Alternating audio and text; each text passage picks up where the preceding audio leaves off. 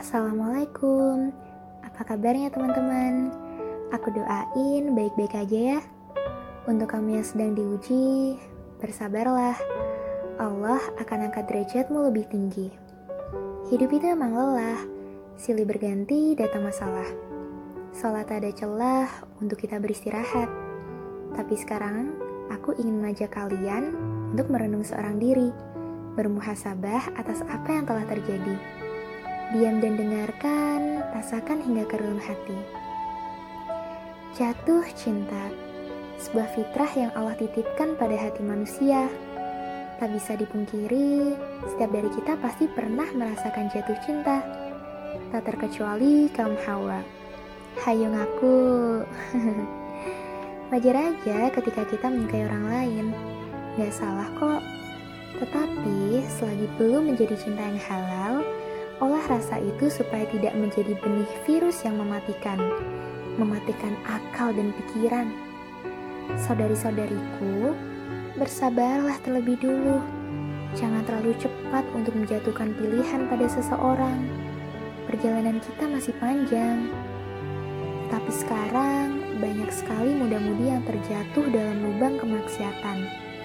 Melakukan pacaran sebagai pelampiasan menjadi sebuah bukti atas ketidaktahuan esensi diri ini di mata Tuhan. Padahal secara terang-terangan, Allah sudah sebutkan dalam Quran Surah Al-Isra ayat 32. Dan janganlah kamu mendekati zina. Sesungguhnya zina adalah suatu perbuatan yang keji dan suatu jalan yang buruk.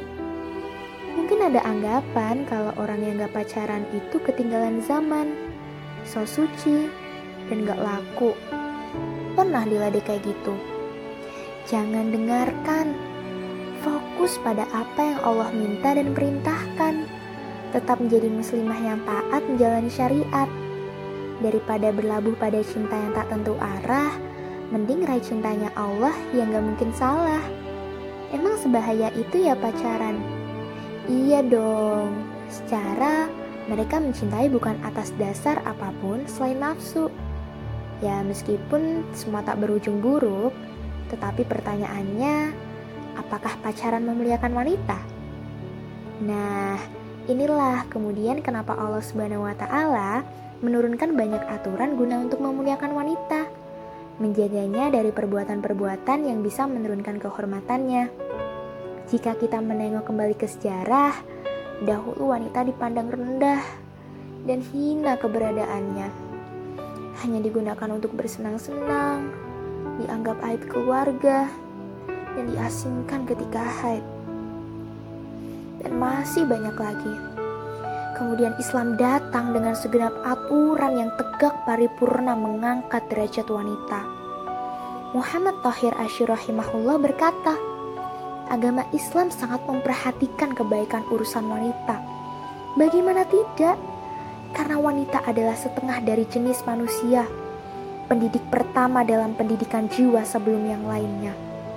Pendidikan yang berorientasi pada akal, agar ia tidak terpengaruh dengan segala pengaruh buruk, dan juga hati agar ia tidak dirasuki pengaruh setan. Bahkan Rasulullah Shallallahu Alaihi Wasallam bersabda, dunia adalah perhiasan, dan sebaik-baiknya perhiasan dunia adalah wanita solihah. Masya Allah, pengennya jadi wanita solihah? Nah, teman-teman, sesuai dengan Quran Surah An-Nur ayat 31, wanita solihah yang digambarkan Allah adalah yang bisa menjaga ketaatan serta rasa malunya. Laksana mentari yang memancarkan kehangatan arunika, bukan sekedar senja dengan segudang penikmat swastamita. Wanita solihah juga tidak mempermasalahkan kekurangan fisik. Mereka akan senantiasa bersyukur karena insecure hanyalah bentuk dari rasa kufur atas kenimpang nikmat yang Allah berikan kepada kita. Keelokannya tidak menjadi kebanggaan, sebuah kemuliaan terletak pada ketaatan. Rasa malu wanita itulah yang kemudian mengontrol kehidupannya. Tidak sembarangan dalam bergaul, memperhatikan etika, serta hanya kata-kata bermakna yang keluar dari mulutnya. Lantas siapa wanita-wanita solihah yang seharusnya kita jadikan inspirasi? Mereka adalah Maryam binti Imran, Asiyah binti Muzahim istri Fir'aun, Khadijah, dan Fatimah. Rasulullah Shallallahu Alaihi Wasallam juga bersabda, jika seorang wanita selalu menjaga sholat lima waktu, juga berpuasa ketika di bulan Ramadan, menjaga kemaluannya dari perbuatan zina, dan taat pada suaminya, maka dikatakan pada wanita tersebut, Masuklah ke surga melalui pintu mana pun yang engkau suka. Masya Allah, keren banget ya. Pengen gak teman-teman? Ya pengen lah. Udah masuk surga, diberi kebebasan lagi mau masuk pintu mana aja. Tapi, ketaatan gak bisa datang secara instan. Butuh proses yang namanya pendidikan. Patahkan stigma masyarakat yang beranggapan bahwa muslimah tidak bisa meraih cita-cita dan berkontribusi nyata. Dalam Al-Quran disebut um, dari kata ummah yang artinya ibu adalah induk dari umat, sebagai pendidik, pembentuk, dan penentu arah umat. Seorang wanita haruslah berilmu, karena mereka adalah madrasah pertama bagi anak-anaknya kelak untuk menghasilkan generasi-generasi berkualitas yang kelak akan meneruskan perjuangan membela agama ini.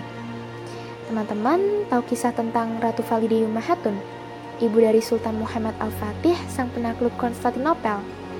Di balik kesuksesannya, terdapat peran seorang ibu dengan segudang ilmu yang mendidik anaknya menjadi sosok yang luar biasa, mengukir indah dalam sejarah. Nah, teman-teman, sekarang kembali lagi ke diri kita masing-masing. Pilih jalan ketaatan atau kemungkaran, menyibukkan diri perihal duniawi atau mempersiapkan diri sebelum mati. Yuk, jangan sampai kita sedikit evaluasi, bahkan merasa unggul dalam diri.